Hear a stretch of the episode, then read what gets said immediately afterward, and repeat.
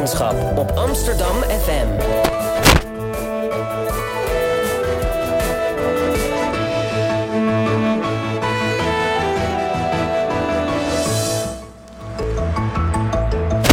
Zwammerdam. Ja, goedemorgen allemaal. Welkom bij Radio Zwammerdam. Elke zondagochtend tussen 11 en 12 brengen we u op de hoogte van de wonderlijke wereld van de wetenschap. Live vanuit de OBA. Ik ben Vrouwtje Waterbok en ik presenteer deze uitzending samen met Mirjam van Zuidam. Ook is onze vaste columniste Heidi aanwezig. Welkom. Uh, waar we vorige week met Joke Herms over het razen van de tijd mijmerden, gaan we het vandaag hebben over de drukte in de stad. Want het is druk in Amsterdam. Hutje mutje schuifelen we over de wallen, zitten we vast in een overvolle Kalverstraat of worden we van onze fiets gereden door een scooter? Hoe vinden we oplossingen voor de frustratie van de drukke stad? En wat betekent deze drukte? Mirjam, vertel, merk jij eigenlijk dat het steeds drukker wordt in Amsterdam? Ik, deze week was uh, het Amsterdam Dance Event. Ik geloof dat er iets van 37.000 mensen op afkomen. Uh, heb je daar iets van meegekregen? Nou, wat druk ik fietste door de Damstraat, daar was het heel druk, maar daar is het eigenlijk altijd wel heel druk.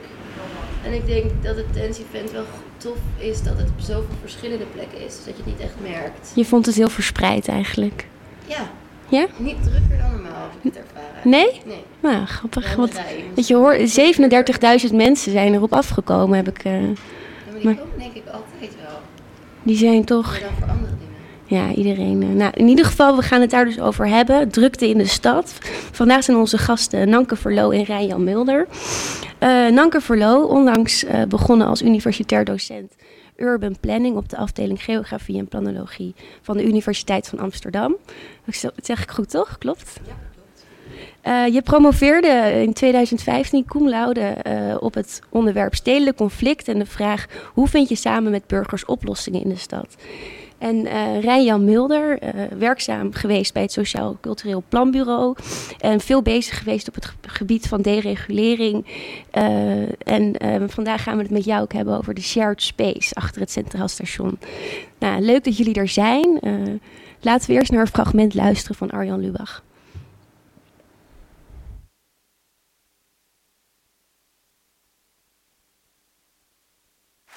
En dan het is druk in de Amsterdamse binnenstad. De paus is katholiek, bananen zijn krom en in de Kalverstraat is het te druk. Hoi. Het is altijd mooi als je iets leert van het nieuws. Ook al is het onderwerp verder zelf niet zo heel interessant, steek je er toch nog wat van op.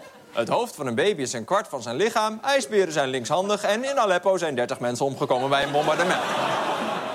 Maar goed, terug naar het onderwerp. De paus is krom en dus is het druk in de Amsterdamse Kalverstraat. Heel druk. Twee keer hebben we tot nog toe de Kalverstraat echt af moeten sluiten. Omdat mensen belden naar de politie, naar 112. Dat ze ja, echt in paniek dat ze er niet meer uit konden. Ja, dat is natuurlijk doodeng als het zo druk is dat je de winkel niet meer uit kunt. Want, eh, er hebben mensen die hebben drie weken vastgezeten in de V&D. Die konden er pas uit toen die hele tent niet meer bestond. Die mensen die hebben zich in leven gehouden door het eten van badhanddoeken... die dan niet super goedkoop zijn, maar ook niet heel erg luxe. Een beetje net niks en dan in de kleur... Nou, die drukte die wordt veroorzaakt door het massatoerisme. En wie... Arjan Lubach, die eh, spreekt over drukte in de Amsterdamse binnenstad. Wat dus voor veel conflicten zorgt. Een overvolle Kalverstraat. Um, Danke, wat, uh, ja, wat kunnen we hiermee? Wat vind je hiervan? Van wat Lubach zegt? Ja, beetje ridicuul. Ja, zeker. Het stukje gaat nog verder waarin hij het helemaal in een nieuw perspectief plaatst. En uh, Amsterdam met alle beleid om Amsterdam te vergroten en het te verspreiden. Um, nou ja, in een nieuw daglicht plaatst waarin we zelfs in Drenthe de Amsterdam uh, Stones hebben. Dat vind ik wel grappig, ja. Ik vind het heel goed om het een beetje te visualiseren, ja.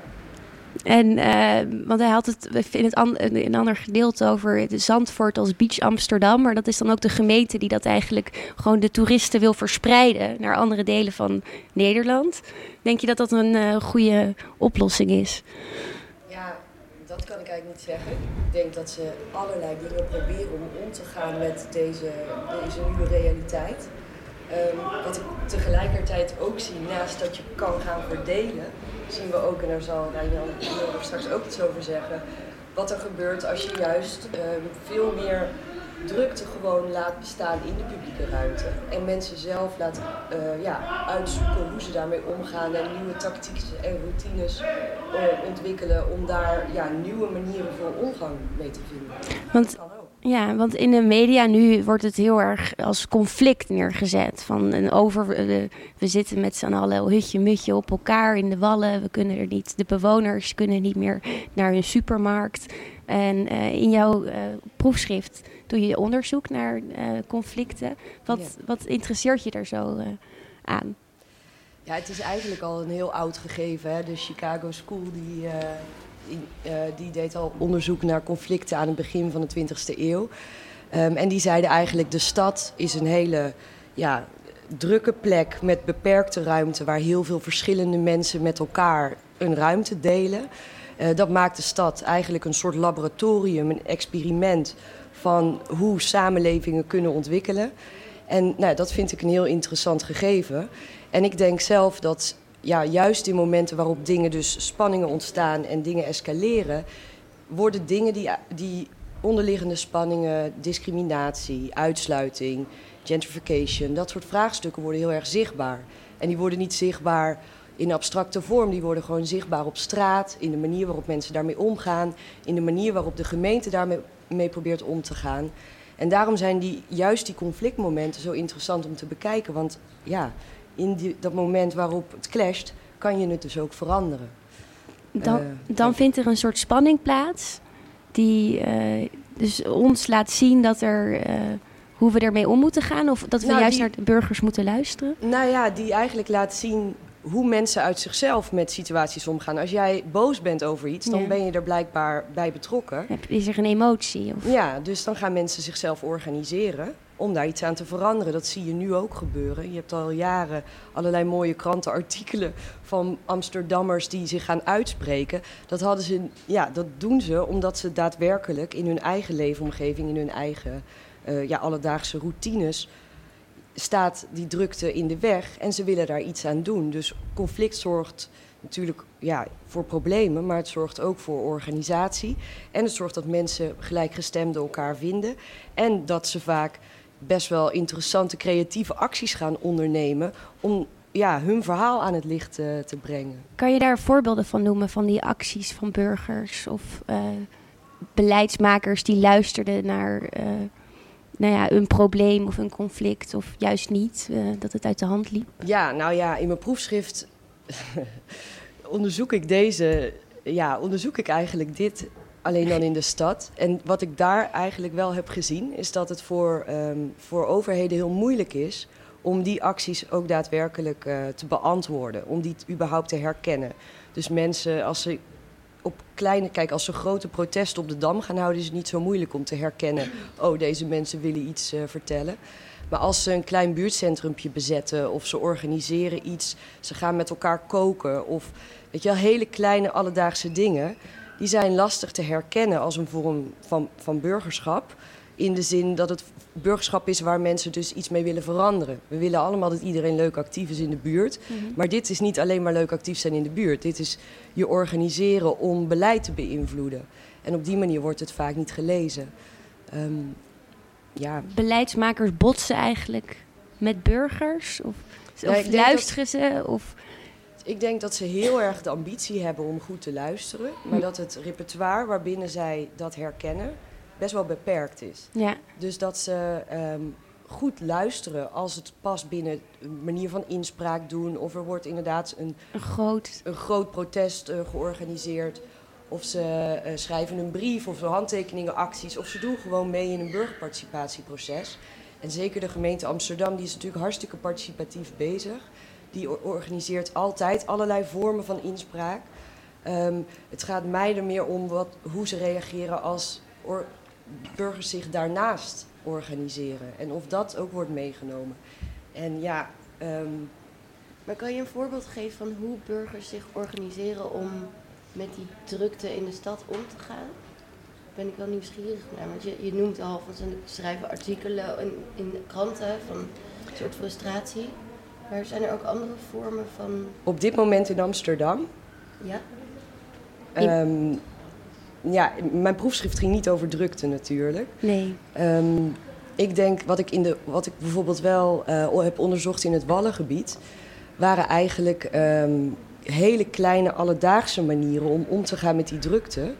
die nu eigenlijk door nog meer drukte niet meer mogelijk zijn. Dus mensen hadden bijvoorbeeld hun eigen alledaagse routinetjes... om op bepaalde plekken en via bepaalde steegjes nog wel naar hun huis te kunnen fietsen... Ja. Ehm, en die wisselden ze ook met elkaar uit. Ze kenden natuurlijk ook ehm, mensen die daar werkten. Dus er was best wel.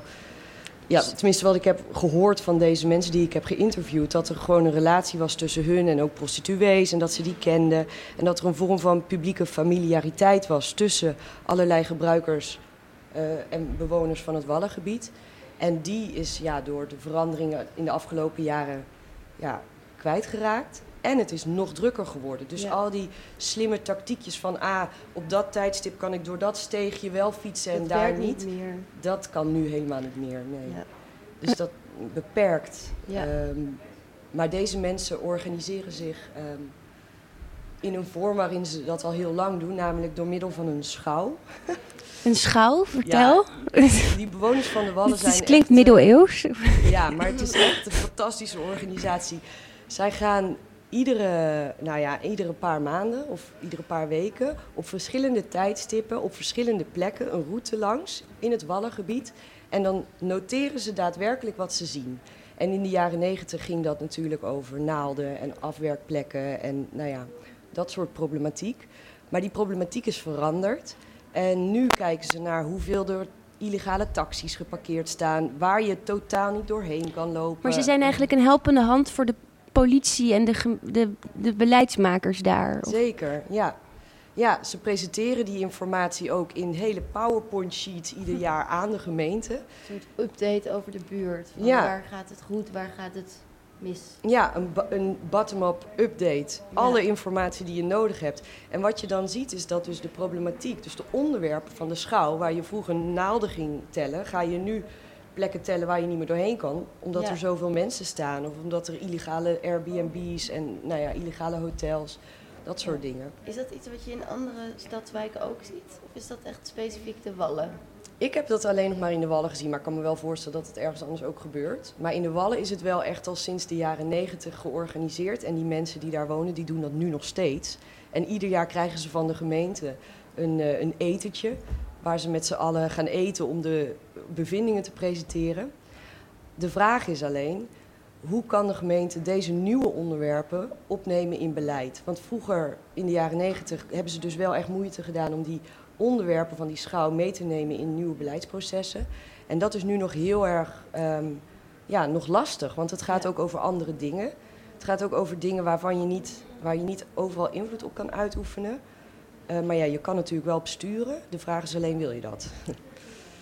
Maar er, hebben zij nu, nu het gevoel dat er naar hun geluisterd wordt? Of wordt, zijn die onderwerpen eigenlijk ondergesneeuwd in eh, gewoon de, de problematiek van vandaag de dag? Ja, ja dat, ehm, als ik de, de Ja, het- heren, deze, er zijn nu een aantal eh, ja, grote heren van de Wallen die Ja. dat organiseren. Als ik die beluister, dan hebben zij niet het idee dat, dat ze echt nog, ja, dat ze goed worden gehoord met de informatie die ze ieder jaar verstrekken. Maar ze zien dat ook wel als een proces waarin je met de gemeente constant in onderhandeling bent hoe ze dat kunnen doen. Want het zijn wel grotere vraagstukken natuurlijk ook. Het heeft ook te maken met het 10-12-beleid en met vraagstukken over vastgoed. Dus het, daar komen andere partijen ook bij kijken Ja. dan alleen maar ehm, ja, Ja. vroeger het stadsdeel en nu misschien de centrale stad of de bestuurscommissie. Ehm, ja, dus de, de echt oplossingen zijn gewoon veel moeilijker nu, omdat het gewoon ingewikkelder is, omdat er zoveel partijen bij betrokken zijn. Van, Ja, en de belangen zijn lichtelijk onduidelijk. Ja, ja. Dat, eh, ehm, de- zie je ook dat er gewoon bozere bur- burgers zijn dan? Of, eh, Nou ja, is- ik denk niet dat er een geleide schaal is in boze Nee. of minder Nee. boze burgers. Er zijn altijd mensen die boos zijn Ja. en altijd mensen die oké zijn. Het gaat er mij meer om als mensen boos zijn, dan of als wel- mensen blij zijn, of als mensen überhaupt iets willen, dan heeft dat een energie die je eigenlijk wel zou willen pakken. Zeker als je een participerende samenleving wil zijn. Ja. En ik denk dat het heel belangrijk is om niet alleen dat na, daarnaar te kijken in een soort formele vorm, maar ook naar, naar de informele manieren waarop die mensen die, die energie ja, uitvoeren, performen eigenlijk in de stad. En dat doen ze door allerlei alledaagse ja, dingen op straat, routines. En als we die beter zouden gaan observeren, dan kunnen we daar misschien van leren om beleid te maken in plaats van van bovenaf. Ja, Rijnjan Mulder, denk je dat we goed kunnen leren van burgers hier, als we deze voorbeelden horen? Ja, ik denk het wel. Ja, ik, Ja, een, een voorbeeld het- wat ik nog miste in jouw verhaal is dat, eh, dat van de Fietsersbond. Want eh, dat is naar mijn gevoel, ik ben er al heel lang lid van, Ja. dus ik ben enigszins partijdig. Maar dat is volgens mij een groep die bestaat nu, ik denk een jaar of veertig, die toch ontzettend veel heeft bereikt. En die ook, eh, ik heb me de afgelopen weken juist verdiept in, het, in de geschiedenis van de Fietsersbond. Omdat het Fietsersblad nu 100, het honderdste nummer heeft, de Oek. En dan zie je dat het in de jaren 70 een hele wilde groep is die alleen maar harde actie wilde en die straten wilde blokkeren en die echt allemaal lijken op straat schilderden van, van, van doodgereden fietsers en dat soort dingen. En die zijn al heel snel door het beleid omarmd. En tot vorig jaar hadden ze ook altijd twee eh, betaalde beleidsmedewerkers die nu weer zijn bezuinigd. Maar wat, Maar bedoel, wat die bedoelt hebben- u daarmee? Door het Nou, beleid die- omarmd? Nou, het feit al dat de, de gemeente naar ze luistert, maar ook dat ze dus een tijd lang eh, twee mensen op kantoor hebben betaald. Dat is natuurlijk een. eh, Het is allemaal vrijwillig natuurlijk. De... maar toen was het niet vrijwillig Ja. meer, maar hadden ze dus twee Ja. betaalde Ja. krachten die, die hielpen. Want hun belangrijkste taak is eh, het zoeken naar knelpunten. En dat over de hele stad, hè, dus ook in, in Oost, in, in Nieuw-West, in Noord. Dus er zijn 4000 leden en er zijn toch, ja, wat zal het, een paar honderd leden die actief zijn. En die elke keer weer samenkomen, knelpunten noteren. En die komen dan weer in het blad en die worden doorgestuurd. Het is een enorme Ja. organisatie. En dat is, naar mijn gevoel is het ja, een van de mooie voorbeelden van, van hoe al 40 jaar lang eh, de burger meespreekt. En hoe dat mede heeft bijgedragen aan het, aan het fietsbeleid. Want Amsterdam is natuurlijk een behoorlijk fietsvriendelijke stad. En ik Ja. denk dat ze daar toch een rol in hebben gespeeld. Zeker, dat zagen we natuurlijk ook het Rijksmuseum en de Ja, tunnel. dat is het van het meest bekende Ja, ja, voorbeeld, ja, denk ja. ik. Nee, dat is puur eh, Ze organisatie wilden de weg en, en door de tijd. Ja. de historische tuin, geloof ik, Nou, ze wilden de onderdoorgang afsluiten. ja, en Die ooit is gemaakt om die twee stadsdelen met elkaar te verbinden. En daar is toen samen eigenlijk met het stadsdeel ook nog eh, jarenlang actie tegen gevoerd. En heeft gelukkig maar, toch? het is prachtig ja, ik- geworden. Ik, ik, vind het heerlijk, die Ja. onderdoorgang. Ja. Ja, ik ben zelf heel benieuwd, eh, want je bent eh, crimino- criminoloog, en, ehm, maar je houdt je dus ook veel bezig met verkeer. En wat hebben die twee zaken gemeen? Of hoe, eh, ja, je, ja, nou, een criminoloog die het woord zegt, het houdt zich bezig met criminaliteit. Ja. En dat, volgens velen is dat strafbaar gedrag. Je kunt er ook nog lang over nadenken wat nou precies de definitie is. En als je naar de statistieken kijkt, dan blijkt dat het overgrote deel van het strafbare gedrag dat burgers plegen, dat dat in het verkeer plaatsvindt. En dat is dan niet meteen waar je aan denkt bij criminaliteit misschien, maar het is natuurlijk, eh, ja, wij allemaal gaan, begaan denk ik dagelijks overtredingen door door een rood eh, voetgangerslicht te lopen of door eh, even geen voorrang te geven. Dus het is een, ja, een miljoenenvoudig gedrag wat eigenlijk criminaliteit is. En dan is het de taak van de criminoloog om, als het de spuigaten uitloopt, om dan toch te denken, hoe kunnen we daar wat eh, tegen doen? Ja. Eh, ja, je bent tien jaar ook act- of, eh, actief geweest bij het Sociaal Cultureel Planbureau. Ik zei dat net al even. Ehm, maar ja, je fietst dus ook, een eh fietst, woont. Ja, Werkt ook al lang in Amsterdam. ik ben een over, overtuigde fietser. Ik heb een, een jaar of tien een auto gehad, maar die heb ik weer weggedaan. Omdat het toch niet nodig was. En omdat het in de stad ook ja, veel prettiger is om te fietsen. heb jij de stad zien veranderen nu we het dus over die drukte hebben? Ja, nou de drukte heb ik natuurlijk ook gezien. Ik zie dat ook als fietser. De, ik, ik woon bij de Weesperzijde en bij de Savatistraat. En daar zie je nu 's morgens tussen 8 en 9, dat is een fameus knelpunt. Dan zie je dat je er af en toe eh, eigenlijk niet meer kunt oversteken. En dat je dus voorrang moet nemen. En dan maar moet zorgen dat anderen even inhouden. Omdat je anders eh, Blijf je staan. sta je, sta je 10 Ja. minuten stil. Ja. En je ziet dat daar ook de Weesperzijde, bij de Berlagebrug en zo, dat de stad daar echt aan zijn, aan zijn grenzen zit. Dat, eh, en dat was, ja, wat ik me herinner, tien jaar geleden niet. Toen was de Weesperzijde echt een ideale fietsroute. En nu, eh, nu begint die te druk te worden. ja, Wat mede veroorzaakt wordt, moet ik er meteen bij zeggen, door de scooters. Want dat is eh, natuurlijk iets wat, denk ik, nog veel sneller is veranderd de laatste tien jaar. Dat, dat neemt ontzettend snel toe. En die, ja, één scooter is, is in ruimte of in, in overlast misschien wel drie of vier fietsers. Dus Ja. dat, dat, als, als stel dat alle fietsers op scooters zouden overstappen, dan uh, dat zou echt een ramp worden. is ook niet goed voor onze conditie. En, uh, niet goed voor de conditie, nee, niet goed voor het milieu. Ja, nee. nee. Nou, de gemeente Amsterdam komt met uh, een tal experimenten om de steeds drukker, drukker centrum uh, leefbaarder te maken. Eén daarvan is het laten horen van rustige muziek, heb ik gelezen, op het Oude Kerkplein. Denk je dat dit werkt? Wat, Ja, ik denk dat het zou kunnen werken, maar ik ben er zelf fel tegen, moet ik Ja? zeggen. Want op mij werkt het ook niet rustgevend. Ik, ik kan heel met veel plezier naar klassieke muziek luisteren. Maar als ik word gedwongen naar een bepaalde soort muziek te luisteren in de openbare ruimte, in een ruimte waar ik gewoon doorheen moet, of waar ik woon, of waar ik werk, dan word ik ontzettend kwaad. En dan uh, zou ik. Het wordt je eigenlijk wel... opgelegd. Of? Ja, ik heb in de tijd dat ik bij het SCP werkte, was dat in Rijswijk, moest ik elke dag over door het winkelcentrum heen. En daar klonk elke ochtend tussen 8 en 9 opgewekte muziek. En ik werd daar uh, depressief van en, en ook misschien wel agressief. Dus voor, voor, mij werkt het niet. nee, ja, misschien. Ik, ja, het is. Uh, dat vind ik, ook, ik vind het ook een, een inbreuk op, ja, op, op het menselijk leven. Ik dacht, je kunt ook, je kiest uh, zelf. je kunt ook kalmerende middelen door het drinkwater doen. Maar dat is toch niet. dat willen we toch niet als je op die manier. Zo'n maatschappij willen we niet. Nee. nee. Maar ik vraag me ook af, zeg maar, wat het doel is. Want willen, we, willen ze dat we door die rustige muziek langzamer fietsen? Of dat we minder snel boos worden? Zeg maar, daar ben ik eigenlijk wel heel nieuwsgierig naar wat het doel was. Ik geloof dat ze het in Hoge Katerijnen hebben gedaan al. Ja, daar hebben ze het ook, gedaan ja. en daar werkte het ook. Dus uh, zeker op bepaalde jongeren die, die opwinding zoeken, werkt klassieke muziek misschien.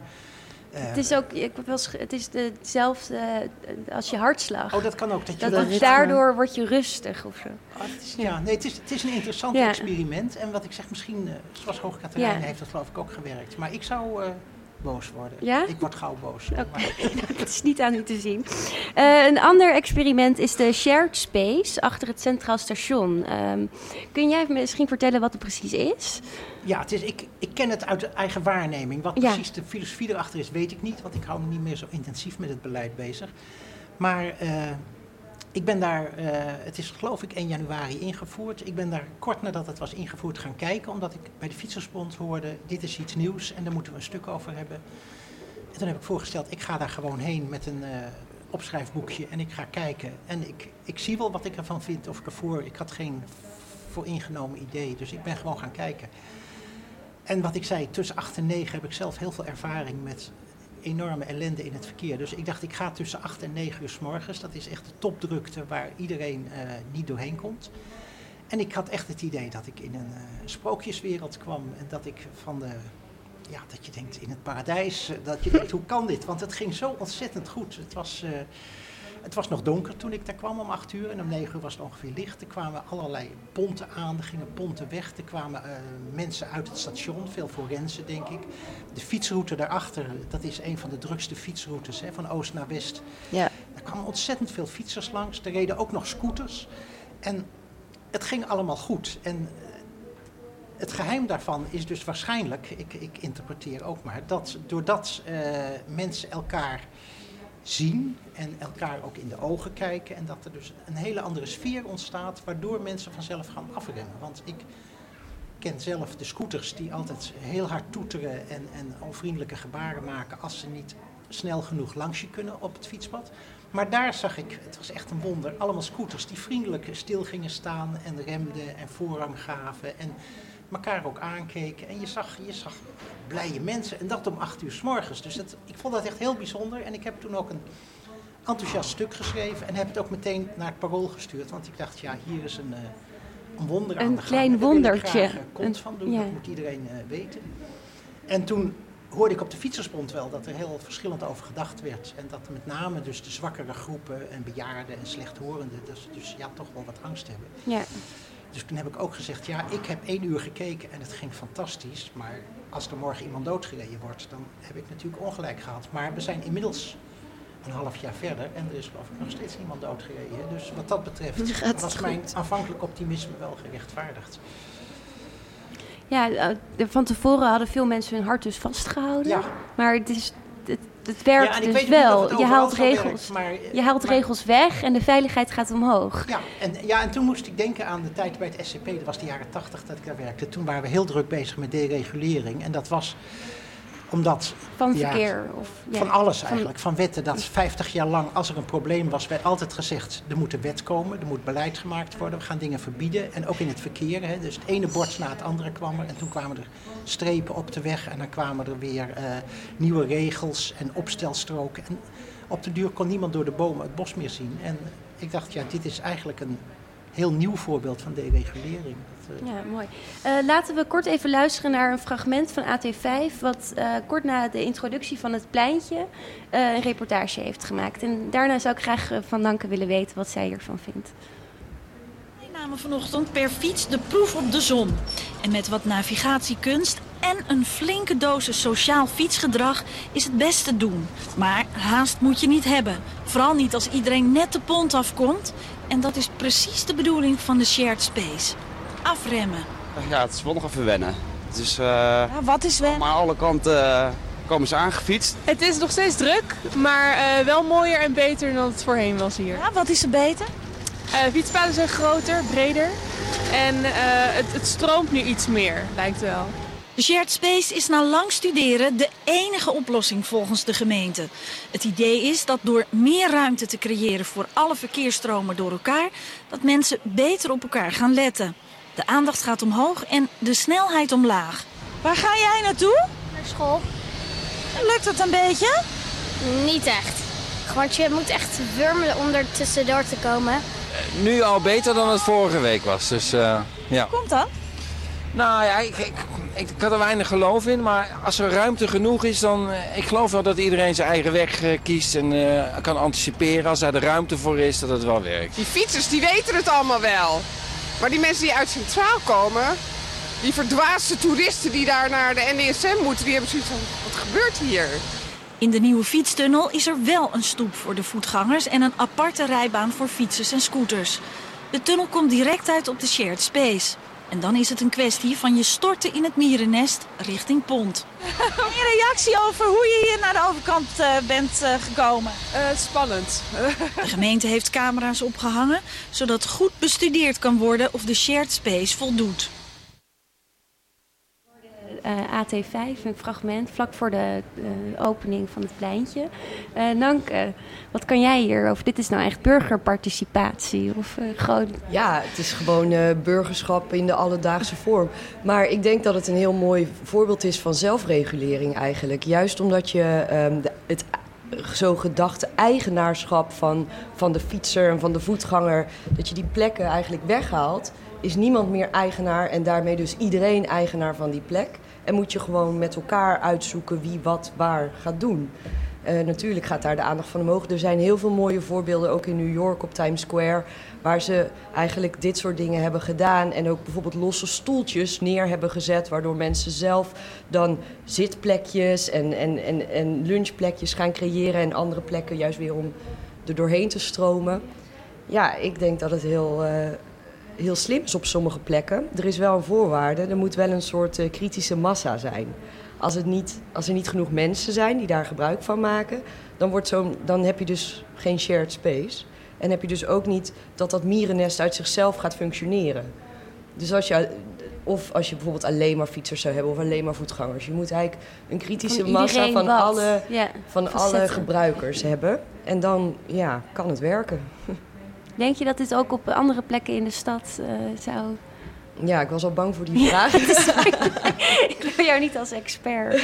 Nee, Nee, je bent wel... ehm, nou, ik ben zeker geen, eh, geen infrastructuur-expert. Alleen, ja, ik denk wel dat het interessant zou zijn om dat te proberen. Maar ik zou dat, ja, daar moet ik eigenlijk meer onderzoek naar doen. Ik zou zeggen, ga, laten we daar met een, met een heleboel UvA-studenten eens een paar plekken voor kiezen.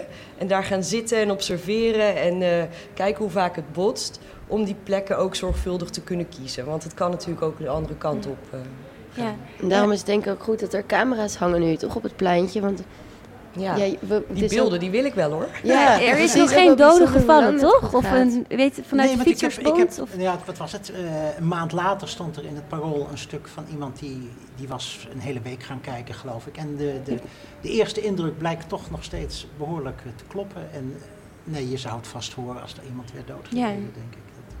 En, en het klopt wel wat ook AT5 zegt. Mijn eerste indruk was ook dat sommige mensen van buiten de stad, die, die, die staan stil met koffers. En die blijven vrij lang stilstaan. Dat je hoe moet ik hier doorheen? denkt, Ga nou, ga nou lopen en Ja. zet nou een stap, want je kunt toch niet... Ja, je moet eeuwig- mee- je ja. kunt dan niet tien minuten daar blijven staan. En dat, eh, ja, Ja.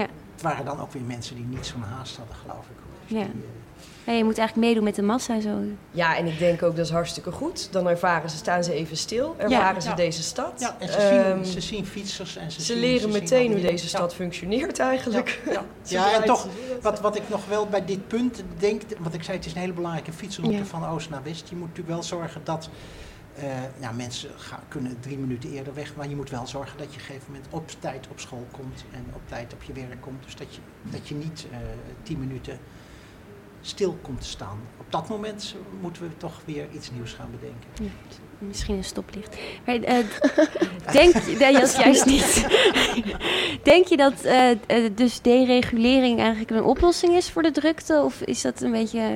Ja, ik denk dat het een goede oplossing is als je het combineert met ruimte. Dit Ja. plein is natuurlijk ook heel groot. En ik zat net, omdat we het over de Kalverstraat hadden, te denken van ja, eigenlijk kun je dat mede oplossen door eh, het Rokin af te sluiten. Of de Vijzelstraat, wat misschien ook gebeurd heeft, de Munt. Dus als je in die omgeving van de Kalverstraat, waar ook winkels zijn, nog wat ruimte hebt, dan kan in ieder geval kan er wat tien keer zoveel mensen kunnen daar een plaats vinden. En waar je dan ook het verkeer stillegt of waar je alleen trams hebt. En ik heb in het buitenland een paar plaatsen gezien, Brussel bijvoorbeeld, ik weet niet of jullie dat geval kennen, waar ze dus het hele centrum ineens autovrij hebben gemaakt. Een hele grote brede straat, waar ineens eh, eh, speeltuinen zijn gekomen, waar bankjes zijn, waar allemaal nieuwe terrassen zijn. hè. Ja. Een straat waar dus vroeger die twee kanten totaal gescheiden waren en niks met elkaar te maken hadden.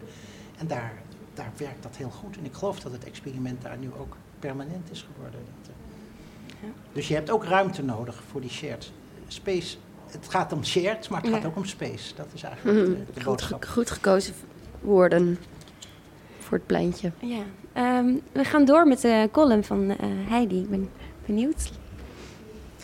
Nog niet zo lang geleden was het toerisme in Amsterdam een gebeuren dat je vooral in de zomermaanden te verduren had.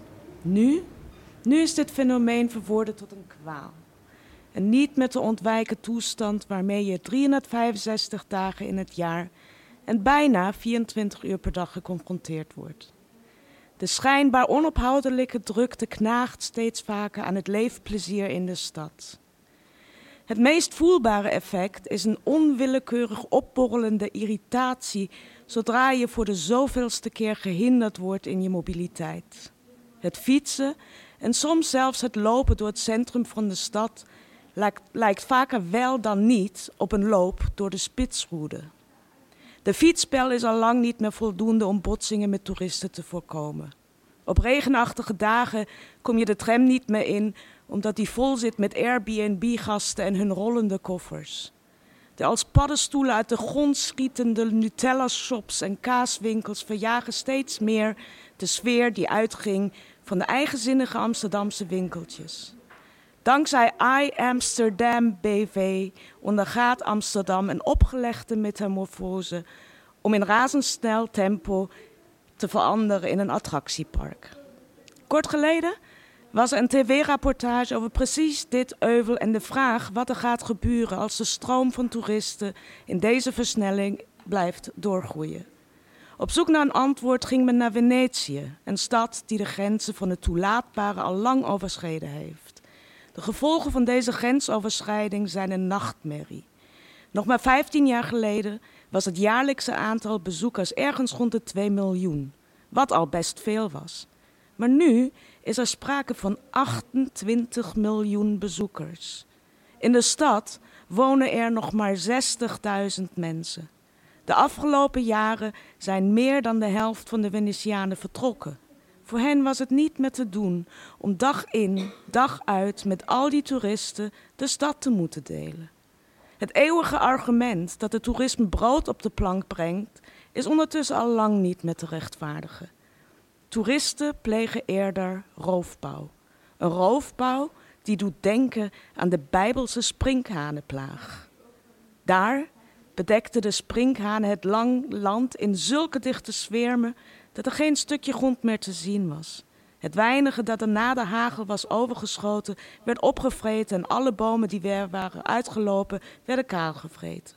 Het paleis van de farao, de huizen en zijn hovelingen en van alle andere Egyptenaren kwamen er vol mee te zitten. Precies zo voelt het toerisme aan voor de Venetianen. Het eerste is dat veel toeristen niet komen om de stad echt te willen leren kennen, om echt iets over de historie van hun woonplaats op te snuiven. Venetië is al verworden tot een openluchtmuseum.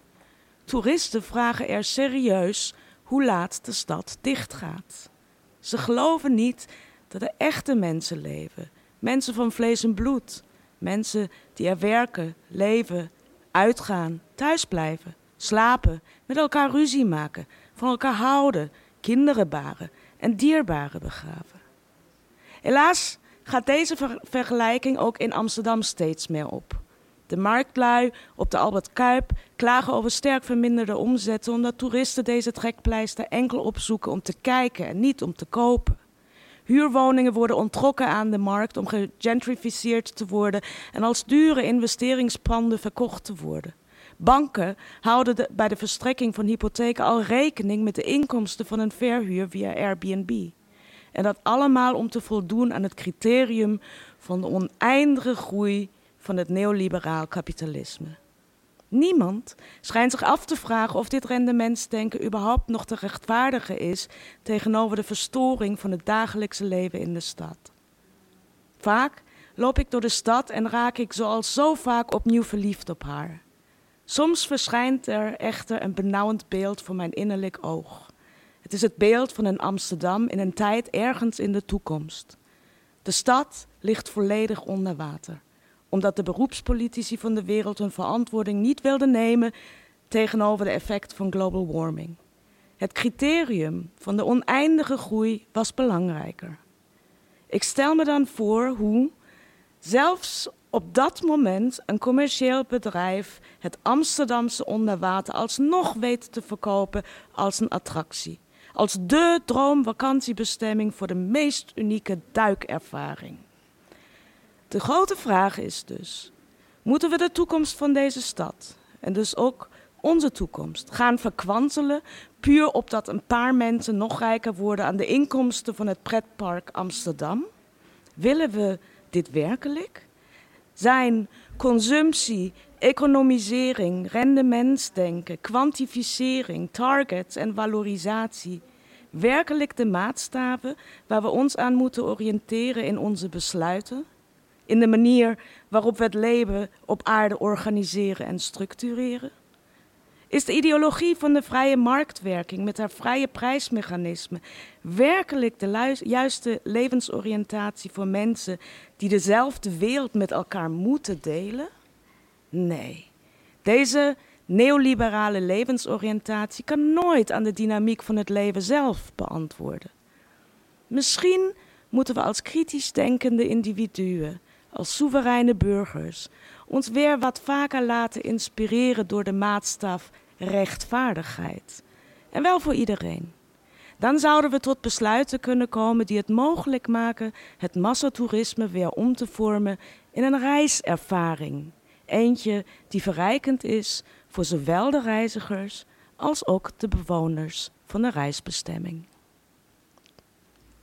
Dankjewel Heidi Dorudi. Mooi.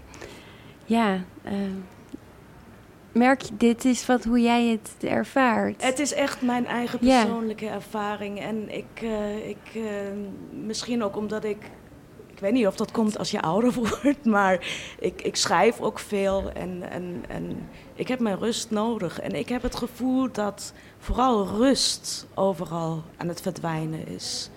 Er is, te, is niet alleen drukte in aantallen mensen, maar er is zoveel herrie, uh, voor visueel als ook um, voor je gehoor. En En eh, ik, ik, ik, ik, ik heb het gevoel dat er een enorme oppervlakkiging aan het, aan het plaatsvinden is. De, de diepte valt weg. En als filosoof zoek ik de diepte op. En, eh, en Amsterdam is een stad waar je die diepte juist wel kunt vinden. Maar Ja. die verdwijnt een beetje, ja. Wil jij hierop reageren? Of? Ja, ja. Ik heb je hevig mijn- zien knikken. Ja. Ja, natuurlijk. Uit mijn persoonlijke ervaring zie ik dat natuurlijk ook zo. Jij, jij snijdt hele grote vraagstukken aan die niet alleen gaan over hoe we de stad organiseren, maar eigenlijk hoe het hele ja, leven in deze moderne Ja, ik economie denk, wordt ja, ik denk georganiseerd. dat dat wel fundamenteel is. Ja. Want, want als je dit soort beslissingen neemt, wat zijn onze maatstaven? Wat zijn de criteria aan de hand van waarop we besluiten nemen?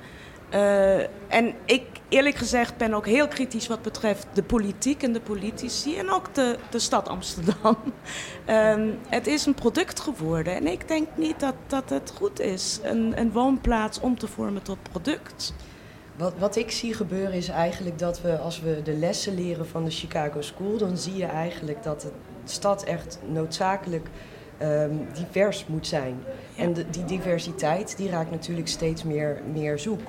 Ehm, als jij zegt ik ga de diepte, eh, ik verlies de diepte, dat, dat interpreteer ik als ja, je verliest eigenlijk de mogelijkheid om een om iemand te hebben in je straat waarvan iedereen weet dat is de, de gek van de straat. En Ja. dan heb je een aantal kopers en een aantal huurders. En dan heb je een aantal toeristen. En dan heb je gewoon een slager en een bakker. En daarnaast iets. Ja, die diepte, die alledaagsheid van de stad en de diversiteit van de verschillende mensen, die raakt kwijt. En daarin verlies ik eigenlijk diepte in de stad. Ja, helemaal mee. Dat heb ik ook. ook vooral ook omdat je ziet met eh, gentrificatie worden ook bepaalde bewoners steeds meer uit de stad ver- ver- verjaagd in feite, omdat ze het ook niet meer kunnen opbrengen. eh, om daar te wonen, omdat het te duur wordt. En, en je ziet op een gegeven moment een soort uniformiteit en homogeniteit eh, ontstaan ook in de bewoners van een stad. En dat is armoede in mijn ogen. In Ja. mijn ogen ook. Ja. Maar dat is mijn persoonlijke Ja. visie Ja. natuurlijk. En ik denk ook dat alles heel erg op elkaar gaat lijken. Ja. Ehm, ja, alles ziet er hetzelfde uit. Alles wat we mooi en hip vinden heeft ook dezelfde esthetiek. En die esthetiek is gericht op een bepaalde groep. En er zijn heel veel mensen die zich niet identificeren met die esthetiek. En ja, die zullen zich ook minder thuis voelen op die plekken. Ja, ja. helemaal mee eens. Ja, ik wilde hem nog één vraag stellen. Want ik, denk dat jullie heel mooi hebben verwoord wat voor veel mensen echt een frustratie is. Maar ik heb onlangs ook een column gelezen van James Worthy in het Parool. En die zei eigenlijk ook wel iets moois, wat eigenlijk weer een andere kant is. Namelijk, een stad is eigenlijk van niemand. En we kunnen met z'n allen klagen van de toeristen komen met hun rolkoffers onze stad overvallen. Maar hebben zij niet evenveel recht om te genieten van deze prachtige omgeving?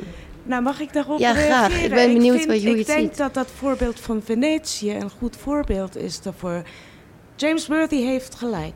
Een stad is van niemand. Sowieso is bezit iets raars. Maar het lijkt er nu op dat de stad nu het bezit wordt van toeristen. Als je kijkt in Venetië, er zijn drie kwart toeristen die daar rondlopen. en Misschien nog één kwart oorspronkelijke bewoners überhaupt. Dus de vraag is geldig maar aan allebei de kanten, naar allebei de kanten toe. Ja.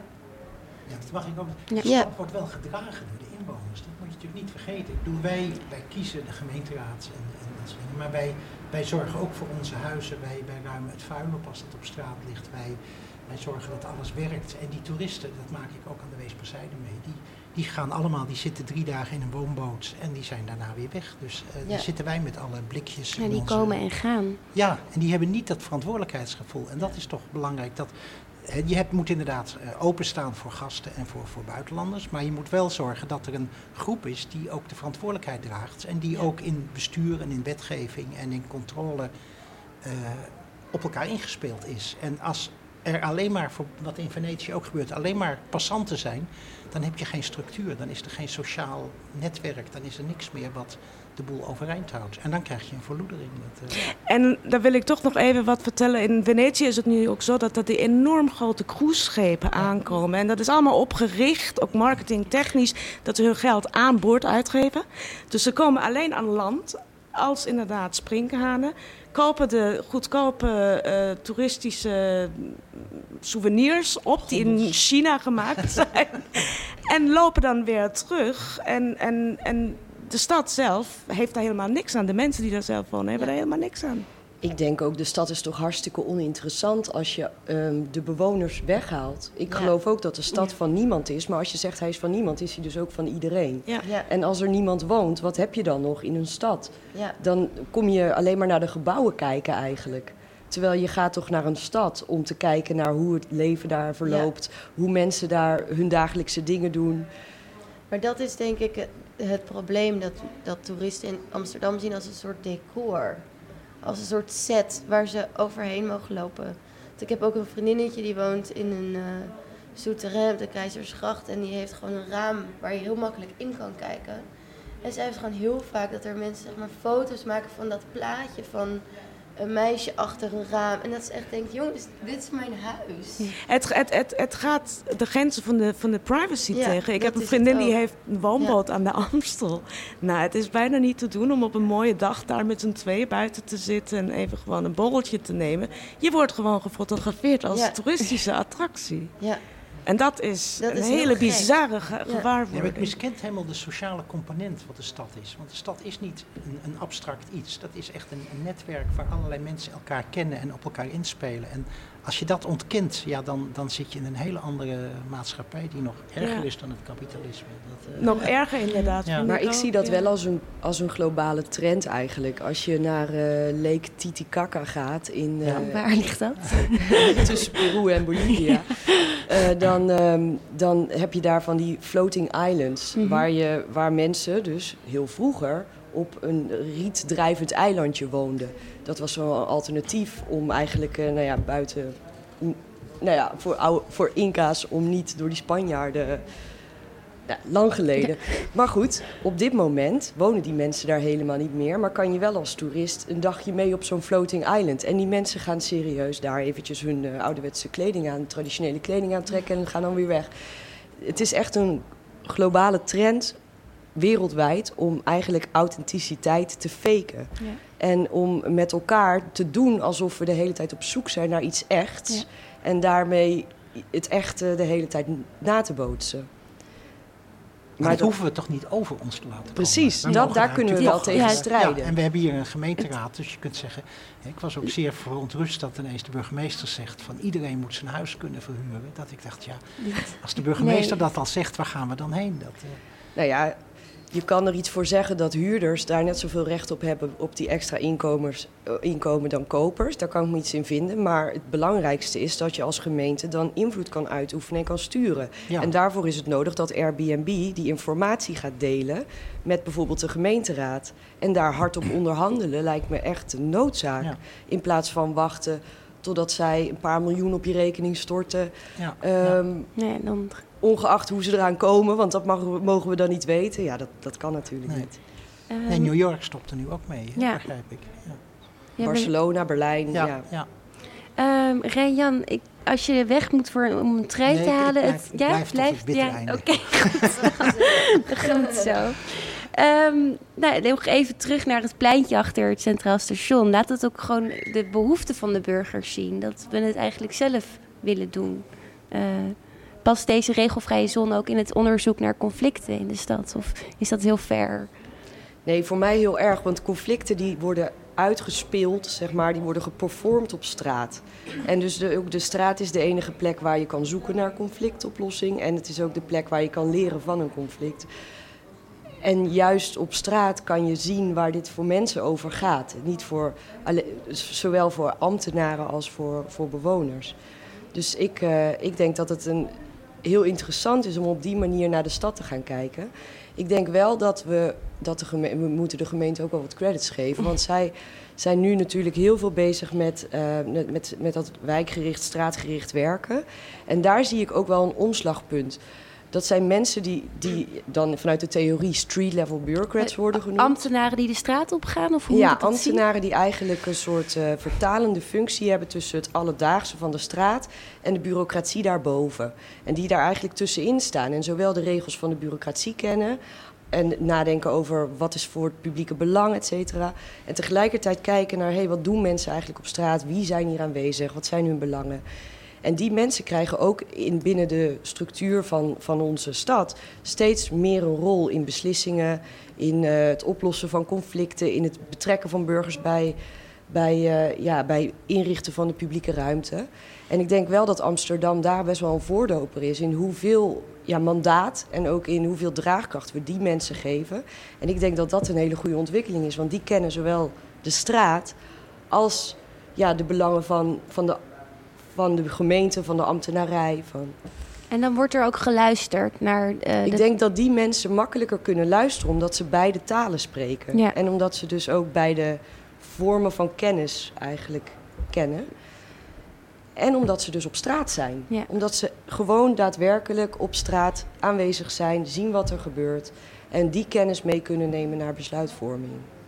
Leren van de straat. Dat, uh... Ja, en ik denk dat die mensen daar heel ja, die zijn daarop getraind. Die, die zijn niet voor niks in die positie. En Amsterdam loopt er wel in volg om, uh, om die mensen ja, een rol te geven in beslissingen in de stad. Dus dat vind ik heel goed. Het is, het is gek, hè? ik heb het idee dat dit twintig jaar geleden eigenlijk was afgeschaft en dat het nu weer helemaal terugkwam. In, in de tijd dat ik op het SCP zat, was het ineens het eind van de, de wijkagent. En, en Ja. nu is de buurtregisseur, iedereen die door al die terroristische aanslagen, zweert iedereen ineens weer bij de buurtregisseur. En wordt er gezien hoe belangrijk het is dat je die structuur die er eigenlijk al is, dat je die begeleidt en dat je die. eh, En waarom werd het houdt. eerst afgeschaft? Wat, wat was daar de Ja, men gedachte vond het achter? soft. Of Het was zoiets van eh, Het- law and order. Het was Ja? ineens een, het was over. En, en de, de wijkgerichte aanpak, dat, dat moest er allemaal uit. En het moest, de politie moest ge- genationaliseerd worden. Het moest één groot crime fighters bedrijf worden. En nu ineens komt die hele buurtgerichte aanpak weer terug. En dat is,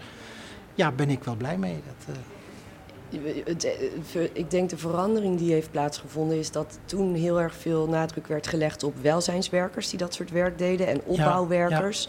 De sociale academie Ja, ja. ehm, en natuurlijk wijkagenten. En nu zijn het niet eh, mensen uit het maatschappelijke. ja, Softies? Of nee, dat... Nou, dat zou ik niet zeggen, want Nee. ik ben ja, soft, hard, whatever. Waar Ja. heb je het over? Ja, het gaat erom dat je kennis hebt en die neem je mee en daar doe je iets mee of niet. Mhm.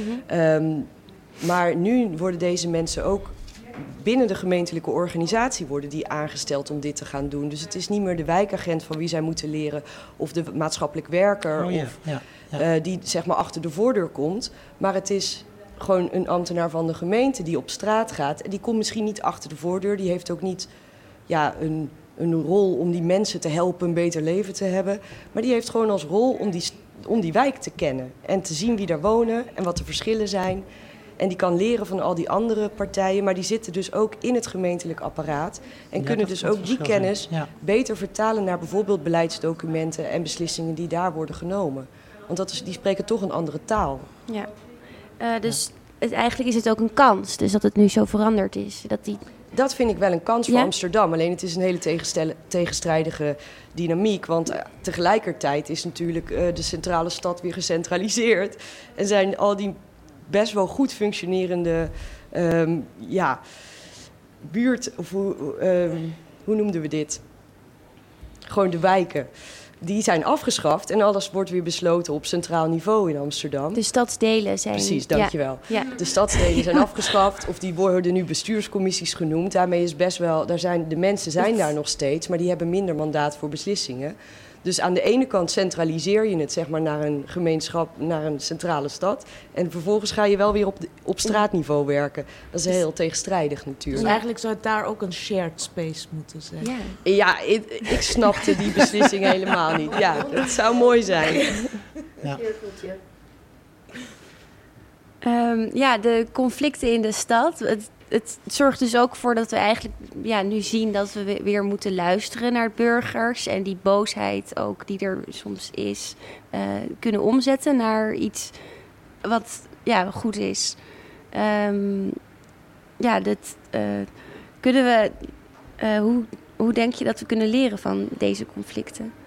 Of, Ik denk dat we pas leren op het moment dat we dus ook organiseren. ja. Dus eh, ik zou zeggen, laten we, als we ons allemaal, als er zoveel mensen zich boos maken over de drukte, Mhm.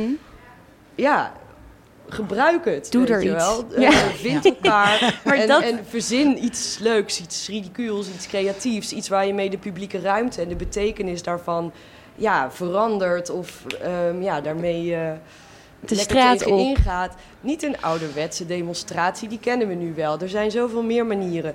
Dus ja, als we, het allemaal, als we hier zo boos over zijn, denk ik, nou, organiseer je. Want dan kunnen we leren.